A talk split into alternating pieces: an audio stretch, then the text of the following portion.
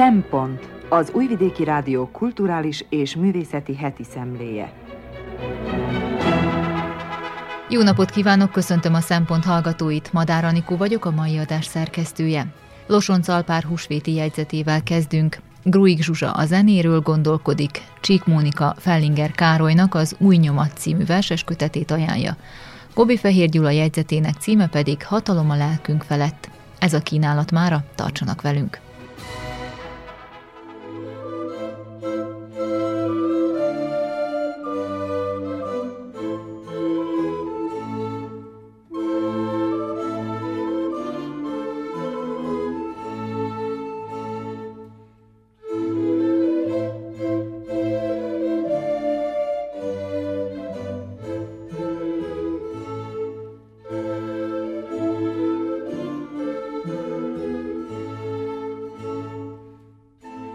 Losoncalpár húsvéti jegyzetét hallják.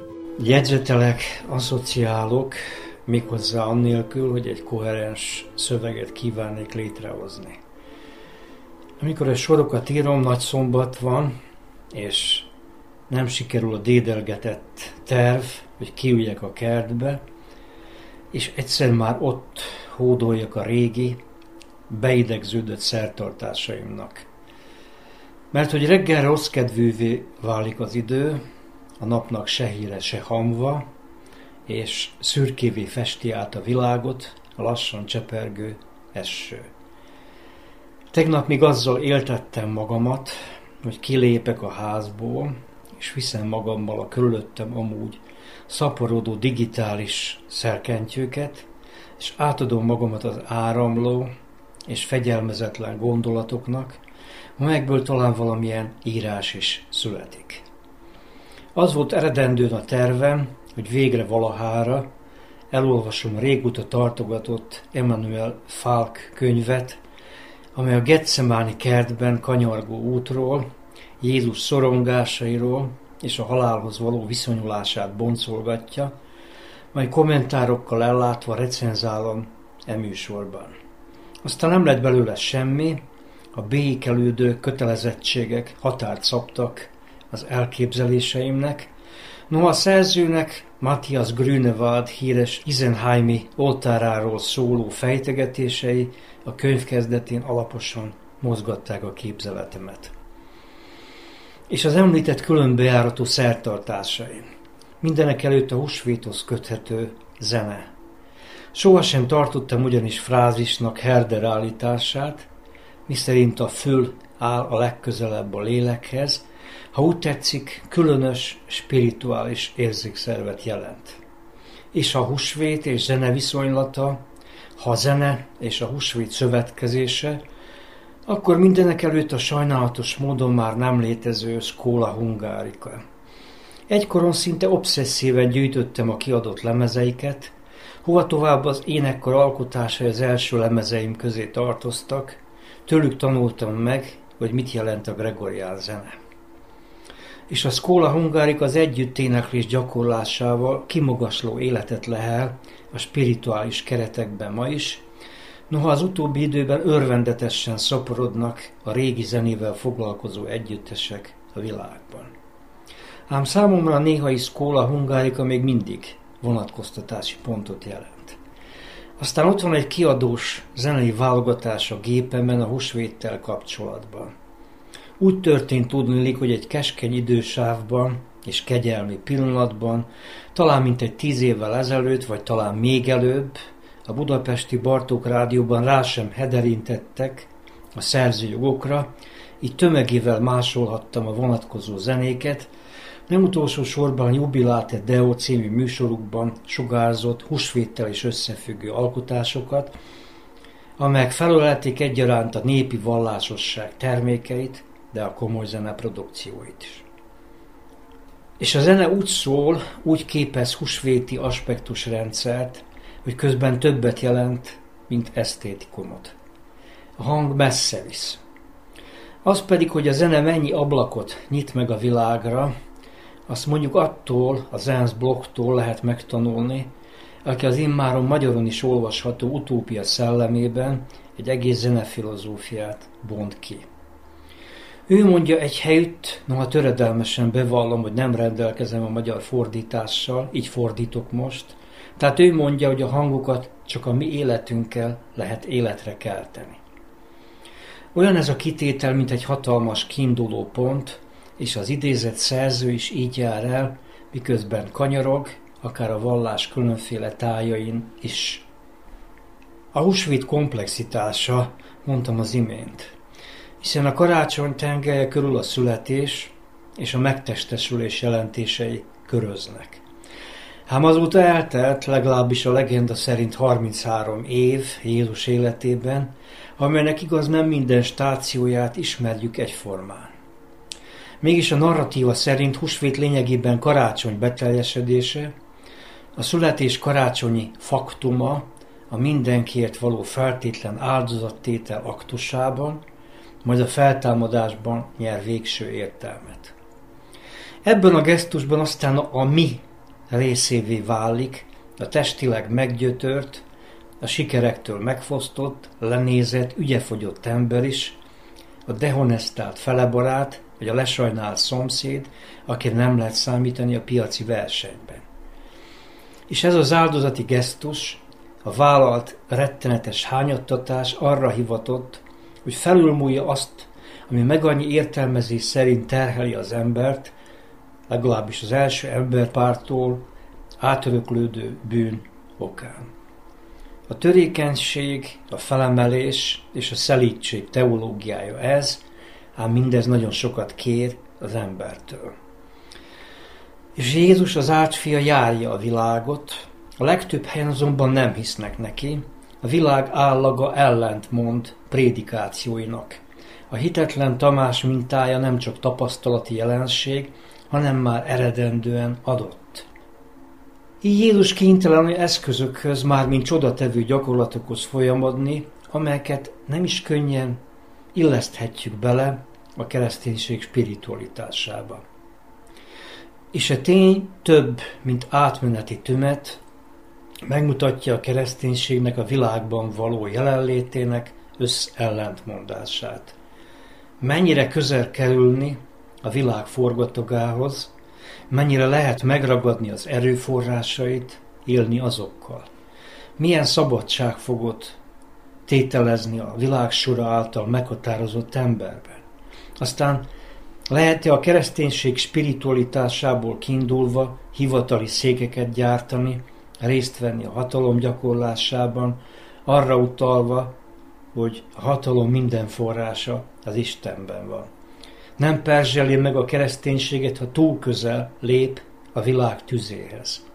Nem válik-e az egyébként a szeretet alkalomottá rendkívüli követelményének hangoztatása intézményes üzemmé, amelyben, ahogy a janzenista Pascal kegyetlen kélezett leírása szerint mindegy, hogy mit hiszünk, csak térdepeljünk le. Mindeközben Jézus jár kell a világban, adódnak csatlakozó tanítványok is, hamaroknyian is, akik később tanúk lesznek, miszerint beszéltek a megváltóval és közvetítik az üzenetet. És akad majd a kereszten egy jobb lator is, akit nem is véletlenül később, voltaképpen a középkorban Szent Latornak hívnak, hiszen ő az, aki metamorfózison keresztül esik át, és uramnak nevezi az ellenségeért imádkozó és gonosztevők közé szorított, megalázott Jézust, aki mélységesen megszenvedi a kereszténység meggyökeresztetését a világban. Az átváltozás, a gyengék, a bűnösök iránti szeretet, amely ellen, ellene megy a világ sorának, ez benne van a kereszténységben tényleg, és örökös, polémikus értéket kölcsönöz neki, amennyiben szerepét komolyan veszi. Ellenállni a világ sorának pontosan ez következik ebből, és nem is könnyű ezt működtetni. Jézus szenvedés története próbára teszi a tanítványokat, és megmutatja egyesek ingatagságát, hova tovább még később is adódnak olyan pillanatok, amikor egyes tanítványok úgy képzelik, hogy miniszterek vagy előjárók lesznek a leendő eszményi országban. Miközben a világban tartózkodik, Jézus kijelöli a mércéket, de az elhangzottak értelmében azért ezeket is ellentmondás övezi. Például az itt már említett Bloch, aki marxista létére kivételes vallási érzékenységet tanúsít, vagy éppen ezért, tehát ő rendületlenül emberfiának nevezi Jézust, és társadalmi hatékonysággal és ütőerővel ruházza fel. Ezt persze nem mindenki írja alá. Történetesen egy egykori perhedző álló fiatalember, akit a Lázadó Krisztus című versért mintegy száz évvel ezelőtt alaposan megrendszobályoztak, igent mondott volna erre, mármint a társadalmi konfigurációba elhelyezett Jézus alakjára. Egyébként ezen fiatal embert József Attilának hívták. De vissza a kereszténység térhódításához, amelynek során, lám, éppen a húsvét ékes példa erre, intenzíven érintkezik a pogán világgal, magába szívja szokásait, jelképeit annélkül, hogy a keresztények nagy része ma tudna erről. A térhódítás persze hatalmi kérdés, már a világba vetett Jézusnak is ütköznie kellett az imperialista geopolitikai ambíciókkal bíró Rómával, amely számára a kereszténység zavaró elemként tűnt fel.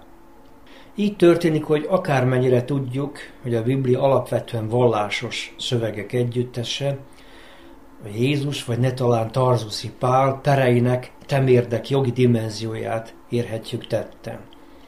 Hova tovább ezen folyamatok, amelyekben egymásba csavarodnak a teológiai, jogi és geopolitikai aspektusok, még ma is fejtörést okoznak az értelmezés szempontjából. Ami magát húsvétet illeti, nem lehet figyelmen kívül hagyni, hogy kontextusában az evangéliumi szövegekben halmozódnak a fenyegetések. A tüzes gyehenna, az örök tűz, külső sötétség és mi egymás, idézhetném tovább a pokolra utaló metaforológiát. Ezt nem igazán lehet másképpen értelmezni, mint a pokolbeli büntetés nyomatékos érvényesítését.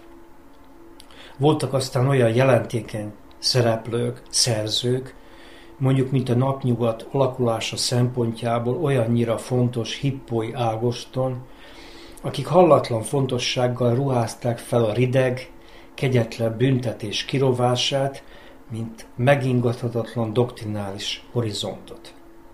Nem szabad részvéttel vagy szánalommal bírni a bűnösök iránt, No, itt hosszasan értekezhetnénk arról is, hogy kérdéses, hogy a pokol tüzét fizikai értelemben kell leérteni, vagy éppenséggel úgy, mint mardosó, lelkismereti gyötrődést. És lett is baj ebből a történelem során.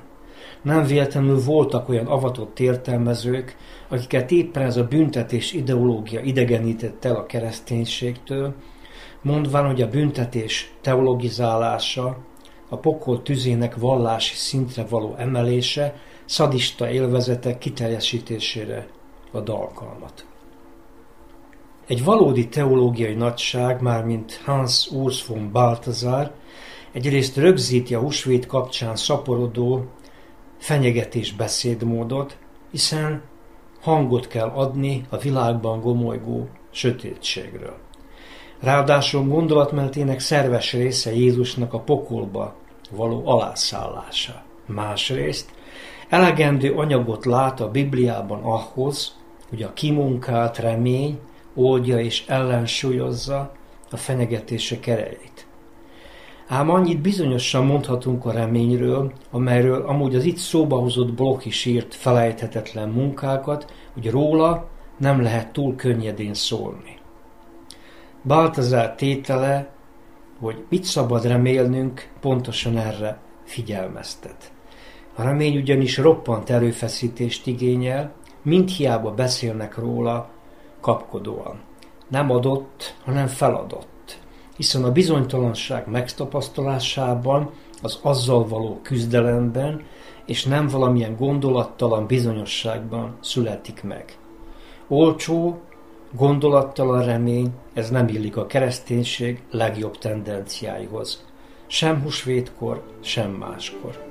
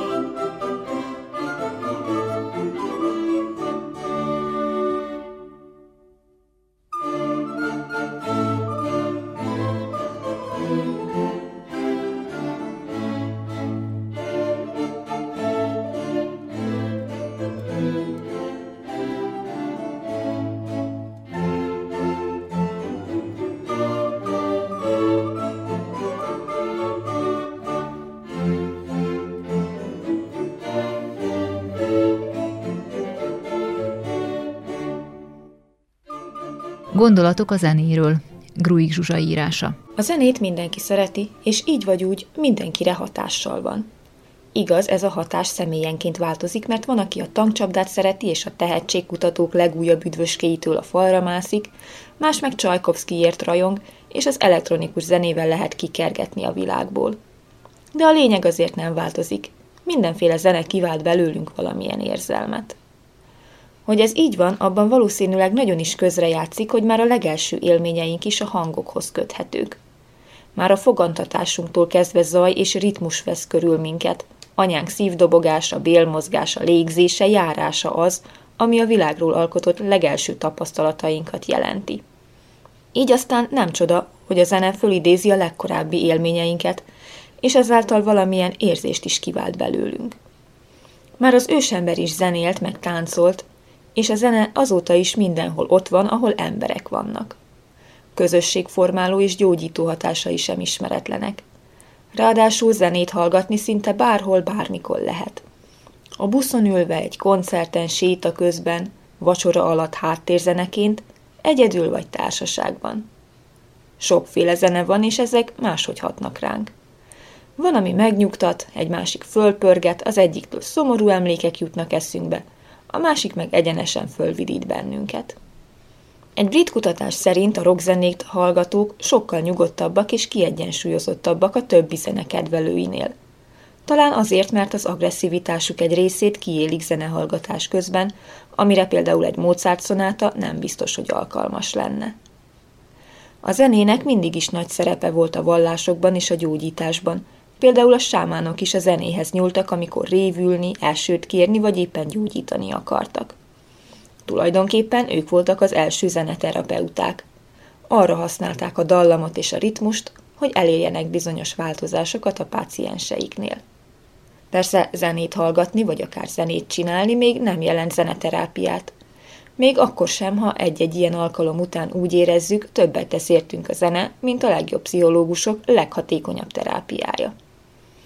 Zeneterápiáról akkor beszélhetünk, ha a zene a gyógyítás eszköze, nem pedig maga a gyógyító erő.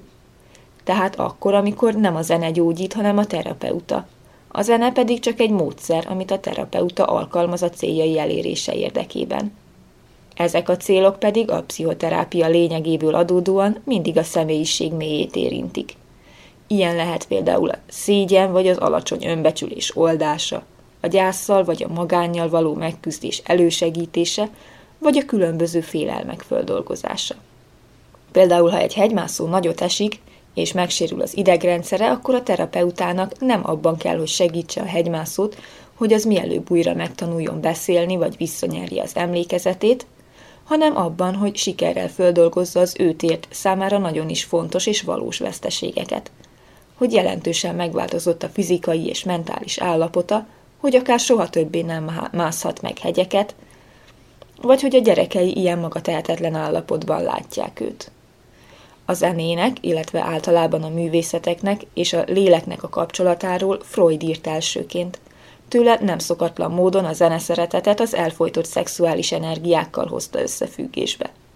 Szerinte, amikor a művész megkomponálja a zenéjét, olyankor csökken a szexuális feszültsége, mert a földgyülemlet energiáit kiéli ráadásul egy társadalmilag elfogadott módon. Amikor pedig eljut a zene a közönséghez, azok ugyanezt a fölszabadító hatást élik át. Való igaz, hogy Freud sok kritikát kapott, amiért szerinte minden a szex utáni vágyra vezethető vissza, de azért általában érdemes elgondolkodni azon, amit mond. A pszichoterápia ezen ága Freud óta is töretlenül fejlődik. Az egyik legnagyobb előnye a szokásos, vagyis verbális, tehát beszéden alapuló pszichoterápiához viszonyítva az, hogy megkönnyíti azoknak a problémáknak a kezelését, amik még nagyon korán, egy-két éves korig bezárólag keletkeztek. A pár hónapos kisbabák ugyanis nem csak beszélni nem tudnak, hanem a gondolkodásuk sem nyelvi. Ők valószínűleg csak átélik az élményeiket, ahelyett, hogy darabokra bontanák őket, és ezeknek a daraboknak neveket adnának. Ha tehát ilyenkor esik meg egy trauma, a gyerek ezt nem tudja megfogalmazni, még csak a gondolataival sem. Hiába van ezeknek a korai traumáknak nagy hatásuk a személyiség fejlődésére, még ha sikerül is előhívni valamiféle korai élményt velük kapcsolatban, azt nem lehet szavakba önteni, hiszen nem gondolatokként, hanem összetett élményekként éltük át őket. A zene viszont egy egyetemes nyelv. Nem kell hozzá a beszéd vagy a beszédértés képessége. Itt élmények kommunikálnak egymással anélkül, hogy előbb szavakra egyszerűsödnének le. Ez tehát a zeneterápia egy nagy előnye. Egy ilyen terápia többféle is lehet. A páciens hallgathatja a zenét, akár fölvételről, akár úgy, hogy a pszichoterapeuta zenél neki, és megfigyelheti, milyen élmények ébrednek benne. Ezeket aztán vagy megbeszéli a terapeutával, vagy egyszerűen művészeti formába foglalja át az élményt. Lehet például rajzolni, festeni, táncolni, kihagyva ezzel a nyelvi kifejezést a dologból.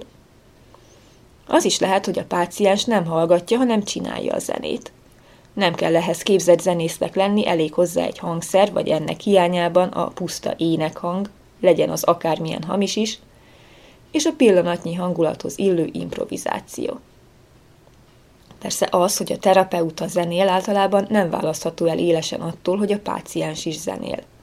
Sokszor a dolog oda-vissza működik, a terapeuta zené által keltett érzések a páciens saját improvizációjával tükröződik vissza.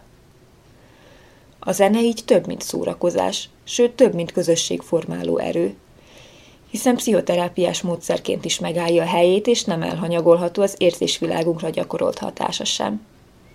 Egy német kutatás szerint sokkal kevesebb fájdalomcsillapítót kell adni azoknak a betegeknek, akik zenét hallgatnak. Nem túl bonyolult megfejteni, hogy miért van ez így. Az emberek olyan zenét választanak, amiről tudják, hogy megnyugtatja őket, és kellemes érzéseket ébreszt bennük. A jó közérzet pedig csökkenti a fájdalomérzetet. És miközben a zene jótékony hatásai egyre szélesebb körben válnak ismerté, az iskolarendszer nem változik. A matekot és a fizikát még mindig sokan fontosabbnak tartják az éneknél és a zenénél. Utóbbiakon egyre kisebb a hangsúly, mondván, hogy ezek készségtárgyak, valaki vagy jó belőlük, vagy nem. Fölösleges erőltetni. Pedig valójában a reáltárgyak is pont ugyanennyire készségtárgyak, csak épp másféle készség kell hozzájuk. És ugye megvan az előnye annak is, ha valaki sok matekot gyakorol, de ki hallott már az integrál számítás nyugtató vagy gyógyító hatásairól? A zene fontos, és nem csak annak, aki szépen énekel, kiválóan játszik egy hangszeren, vagy maga is dalokat komponál. Zenére mindenkinek szüksége van.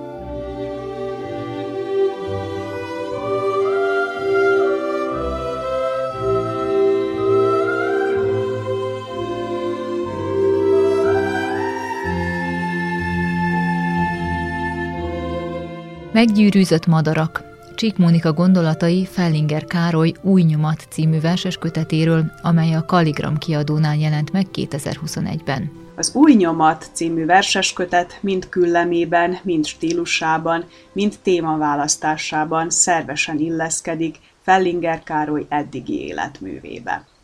A Vida Gergely által szerkesztett kiadvány visszafogott eleganciájával emlékeztet a költő korábbi köteteire, amelyek esetében nyilvánvaló a szerzői kiadói elképzelés, miszerint a könyv olyan tárgy, amely a tartalmán túl a külsejével is esztétikai értéket képvisel. Csillag Lajos grafikai szerkesztő a jelen kötetnek letisztult borítót tervezett, amelyen, igazodva a címhez, két egymást fedő új lenyomat kapott helyet. A grafit szürke háttér pedig a daktiloszkópia, azaz az új nyomokkal foglalkozó kriminalisztikai szakterület eljárását idézi, amivel a szakértők új lenyomatot vesznek személyazonosítás céljából. A különböző felületeken hagyott új nyom ugyanis minden embernél egyedi. Az új begyek mintázata már a születés előtt kialakul, az életkorral sem változik, mindenkinél más és más képet mutat. A lehetséges mintázatok óriási száma miatt gyakorlatilag kizárt, hogy két személy azonos új lenyomattal rendelkezzen. Az új lenyomatot már az ókori népek is a személyazonosság igazolására használták, s napjainkban is az egyediségére, állandóságára, megváltoztathatatlanságára hagyatkoznak a szakemberek, akik képesek olvasni bőr lécrendszerünk rajzolatából. A költő kilétéről az új lenyomatához hasonló beszédességgel árulkodnak a versei. Fellinger Károly esetében ez fokozottan igaz, hiszen ő saját bevallása szerint önmagáról, folytonos önkereséséről, családjáról, környezetéről ír legszívesebben. Mindegy, hogy felnőtteknek vagy gyerekeknek írok, én mindig kibeszélem a saját sorsomat. Azt, ami velem megtörténik. Nekem kell, hogy velem valami történjen, kizökkentsen, meghökkentsen. Természetesen nem úgy írom ki magamból, ahogy ez megtörtént, változtatok rajta. A nyugalmi állapotomat kell, hogy valami kizökkentse. Hogy ne én legyek a kör középpontja. Önző, narcisztikus, hipohonder alkat vagyok, és akkor születnek a verseim, ha kizökkent valami a kör középpontjából nyilatkozta Fellinger Károly egy interjúban, s a rendszeres olvasói nyilvánvalóan be is tudják azonosítani azokat a motívumokat, amelyek hálót képezve átszövik, összekapcsolják irodalmi műveit. A szerző számára saját családja, múltja, jelene képezi azt az alapot, amelyből költészete táplálkozik. Az Új nyomat című kötet négy ciklusra tagolt versanyaga is e költői eljárás lenyomata. A szerző hol visszalopózkodik, hol pedig végig járőrözi a múltat. Keres, elemez, önértelmez, mindezt a költészet eszközeivel. Az új vers tisztára az, ahogyan nem egész pontosan visszaidézem valamelyik régi szövegem – amikor megfeledkezem magamról, magam elé sietek. Fogalmazza meg a Lék című versben, és ezt az időbeli körforgást rögzíti a Mondani való címűben is, idézem. A pársoros verset úgy írom, mintha csak egy végtelen, hosszú sálat kötnék. Idézet vége. A költészet Fellinger Károly számára végtelen, örökkön ismétlődő mozdulatokból álló tevékenység, az autentikus létezés egyetlen kiinduló pontja és garanciája, amelynek során szavakat keres, talál, sorakoztat fel, hiszen a csöndhöz rengeteg szóra van szükségünk. Jellemző motivumainak sorába tartozik a fal és az ajtó, amelyek összefüggnek, feltételezik egymást. Míg az ajtó lehetőségeket és szobákat egyaránt nyit, miközben kofa tekintettel figyel, addig a fal valamiféle látszat biztonságnak a jelképe, amely megvéd, de el is választ másoktól. Ilyeténképpen a szabadságvágy szimbóluma. Telerajzolom őket madarakkal, üres, kitárt ajtajú kalitkákkal. Áll a Falak című versben, majd a Kiszabott elégtétel címűből kiviláglik, hogy a fal időbeli határ is, hiszen a szerző a talált tíz centest, ahelyett, hogy pénztárcába tenné, a fal és az ágy közti résen lecsúsztatja az örökké valóságnak. A kötet leghangsúlyosabb motívumsora a költő önkeresésére és önértelmezésére tett kísérletekről tanúskodik, és a mese szimbolikából indul ki. Önmagát hol repülő, hol hétfejű sárkányként ábrázolva. Aztán mitikusnak tekinthető a trójai faló szimbólum. Fogvacogva várakozom ben az önfeladásban, mint a trójai falóban – áll egy helyütt. Vagy akár a trójai falóba jár belém a lélek, írja másutt. Ábrázolja aztán önmagát hajótöröttként, falhoz állított létraként, felálló ormányú porcelán elefántként, amelyhez társítható az elefántcsont torony szimbólum, pontosabban annak flóberi értelmezése, aki az elefántcsont toronyban önnön magányának elzárkózásának allegóriáját fogalmazta meg. Emellett Fellinger Károly ábrázolja önmagát podgyászként, amivel a fiatal katonáknak futniuk kellett a kiképzésen. Ábrázolja örök lakásként, amely a trójai faló sajátos szimbólum párja. Vágyaim örök lakássá alakítják testem, nem merek kilépni az ajtaján. Olvasható a Tévejgő című pársorosban, majd ábrázolja önmagát könyvégetőként is, aki ahelyett, hogy egérrágta könyveit eladná papírhulladéknak, elégeti egy hordóban. Ez a mai költők sorsának szomorú metaforája. Ehhez illeszkedik a meggyűrűzött matár motívum, amely a megírt, majd útjukra bocsájtott verseket szimbolizálja. Az új nyomat verseiben a költő az önkereséstől az istenkeresésig szálazza össze hálóját. Hol erős vizualitású, hol prózába hajló, hol pedig a transzcendens felé mutató szövegeket hozva létre. De mindvégig építgeti magánmitológikus kisvilágát, amelyet jó maga mellett családtagjai népesítenek be. A kötet legerősebb Horizont című nagyciklusában megismerkedhetünk a szerző János nevű alteregójával, János volt feleségével, Julival, kinek csöndje olyan, mint a bogáncs, a koldus tetű, mindenbe beleragad, mindenhez köze van, mindent meg akar oldani. Tudjuk meg a Megúszás című versből, valamint megismerjük az anyát is, aki kezdetben csak szaggatottan kezdett el beszélni, majd értelmetlenül. Aki bárkit megismer, csak a fiát nem, akivel együtt lakik. Megtudjuk róla, hogy álomvilágban él, ahol macskát tart. Képes visszaforgatni az időt, és akihez a fia Radnóti után szabadon megírta a Tétova Óda című verset, a kötet számomra legemlékezetesebb alkotását. Ebben a demenciával küzdő édesanya megfeddi a fiát, a született borúlátó költőt, aki szerinte nem csinál mást, csak szétküldözgeti a könyveit annak a sok léhűtőnek, akik nemhogy nem viszonozzák a gesztust, de megköszönni is elfelejtik. E vers emlékeztet Fellinger Károly svéd típusú gyerekverseire, amelyekre a szókimondás, a nyelvi játékosság és a sajátos humor egyaránt jellemző. A kötetben az édesanyja szellemi leépülése mellett párhuzamosan megjelenik az elmúlás motívuma is, amely az alfa és omega ciklusban teljesedik ki. Istenem, adj bátorságot, hogy természetesnek vegyem az öregség nyűgeit, az érthetetlen szavakat, gesztusokat, a kísértetiesen agyamba vésődő végzetet. Olvasható az Elég, ha című versben, majd a nyomkeresőben már a halál motívum is feltűnik. Idézet. Nem az Isten, a halál vezetne át éppen, és éppen a túlsó partra. Idézet vége.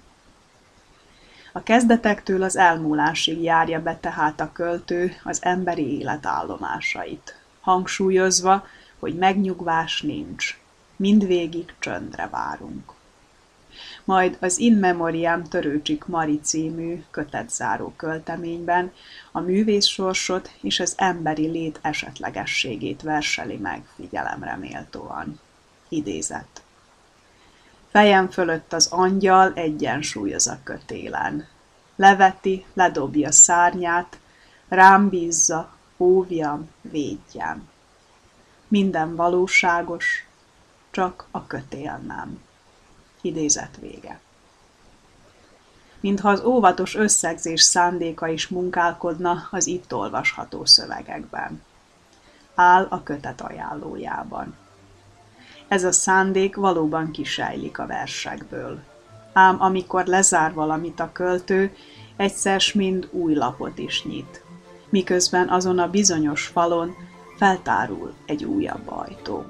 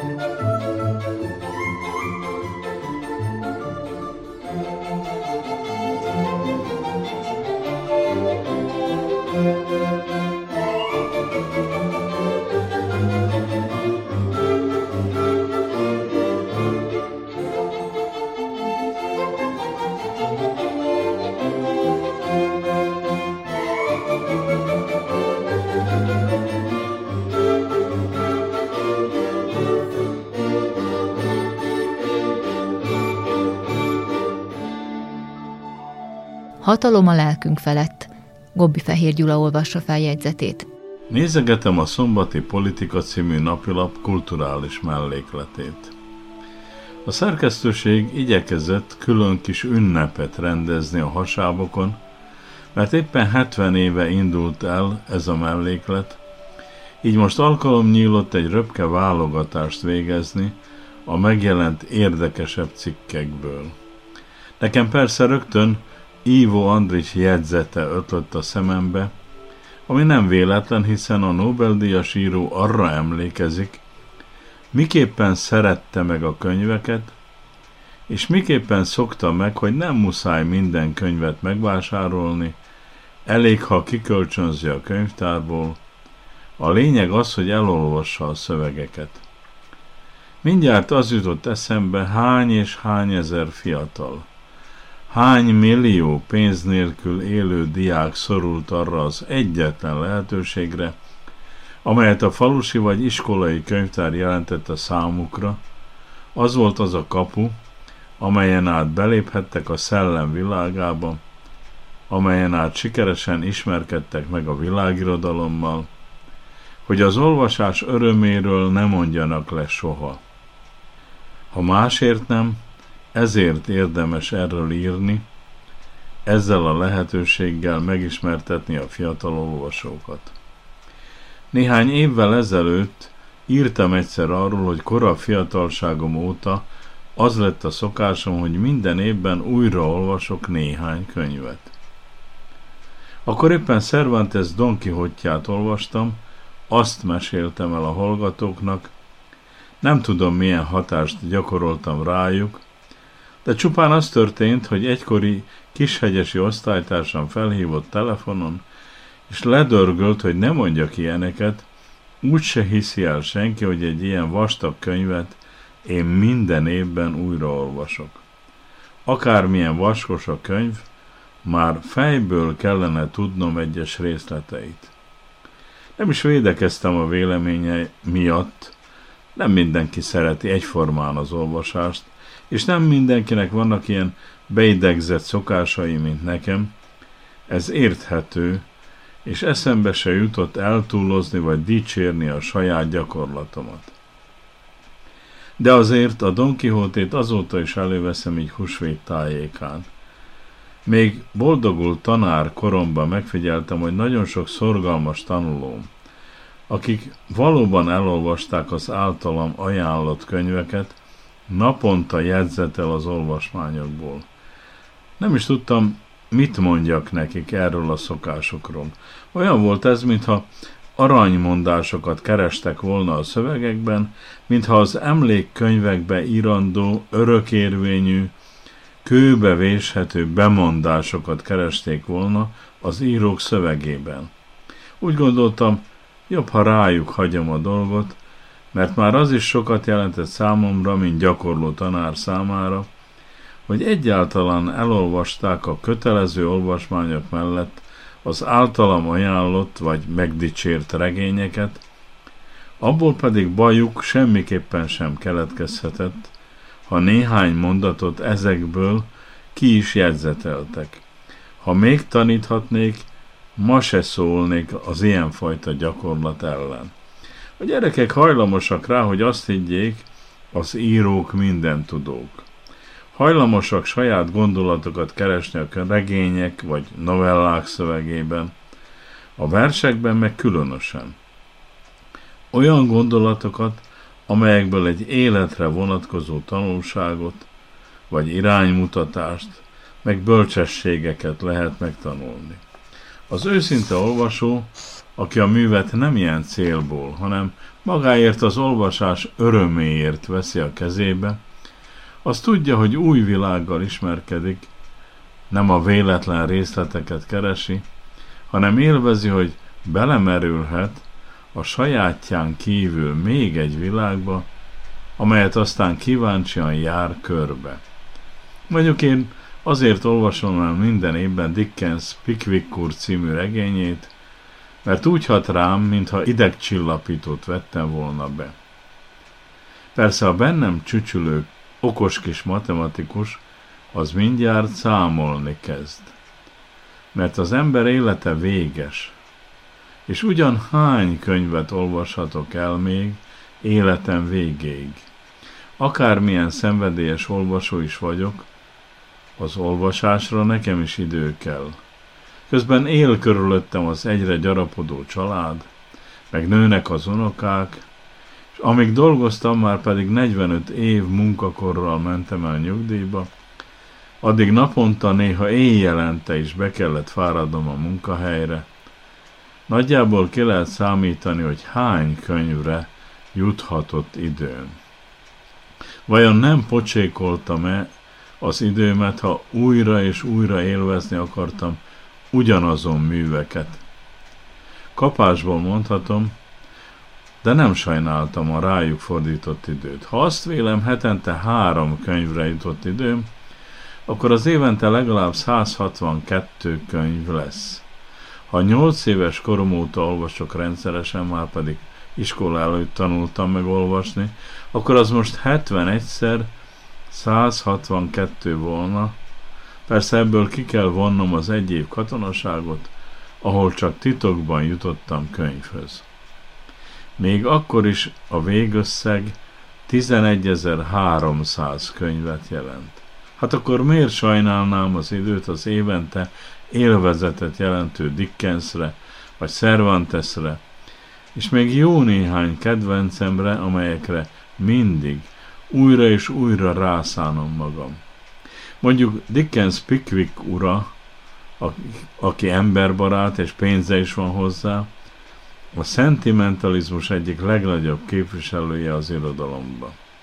Tudom, hogy olvasáskor bennem is növekszenek a szentimentalista érzelmek, mert ez a folyamat megállíthatatlan, de én erről nem tudok lemondani, mert élvezem az író világát, a jóság, meg a szánalom hullámait.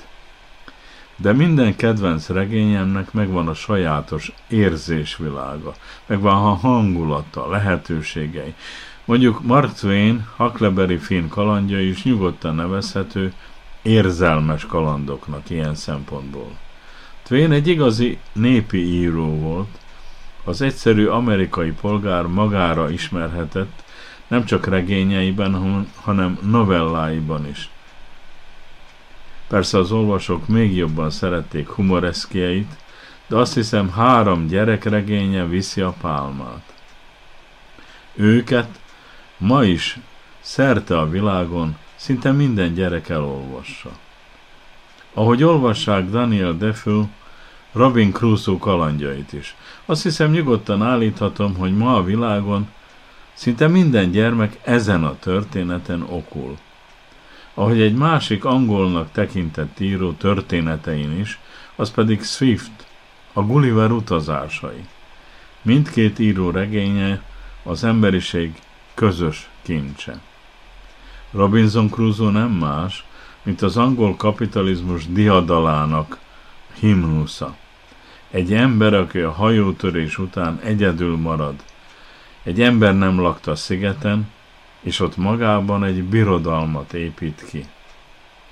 Megteremti saját magának a saját kicsi angol birodalmát. Érdemes újraolvasni, ahogy a Gullivert is. A Gulliverhez még csak azt sem kell tudni, ami ugyan igaz, hogy a világirodalom egyik legkeserűbb pamfletjéből a világirodalom egyik legnépszerűbb gyermekkönyvévé változott. Swift írása tulajdonképpen a nagyképűség ellen szól, de a mai olvasó szeme erre nem figyel. Mi a végtelen emberi kalandot keressük és leljük meg a szövegben. Ugyanis minden lehet nagy is, és kicsi is. Ez a végkövetkeztetés.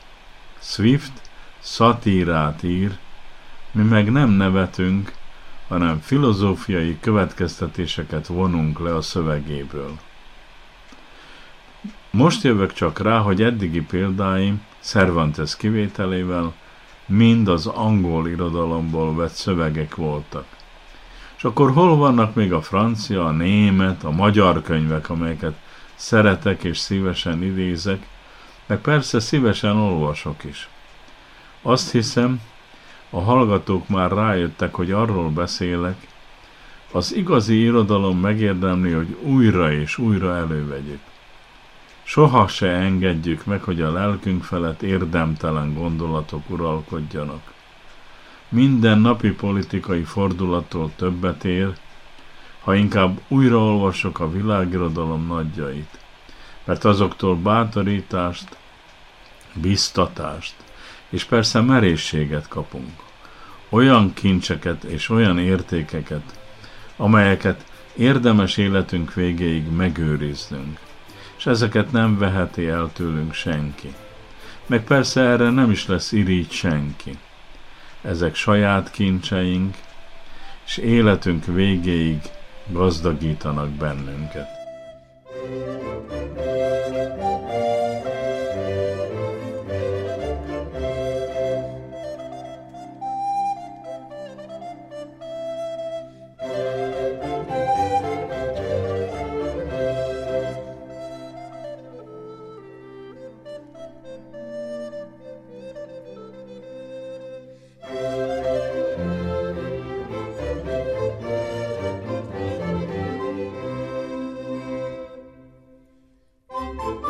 Kedves hallgatóink, az Újvidéki Rádió kulturális és művészeti heti szemléjét hallották. A hangfelvételt Dámián Sás készítette, én Madár Anikó vagyok. A munkatársak nevében is köszönöm a figyelmet. A műsort meghallgathatják az interneten is, a www.rtv.rs.hu honlap címen.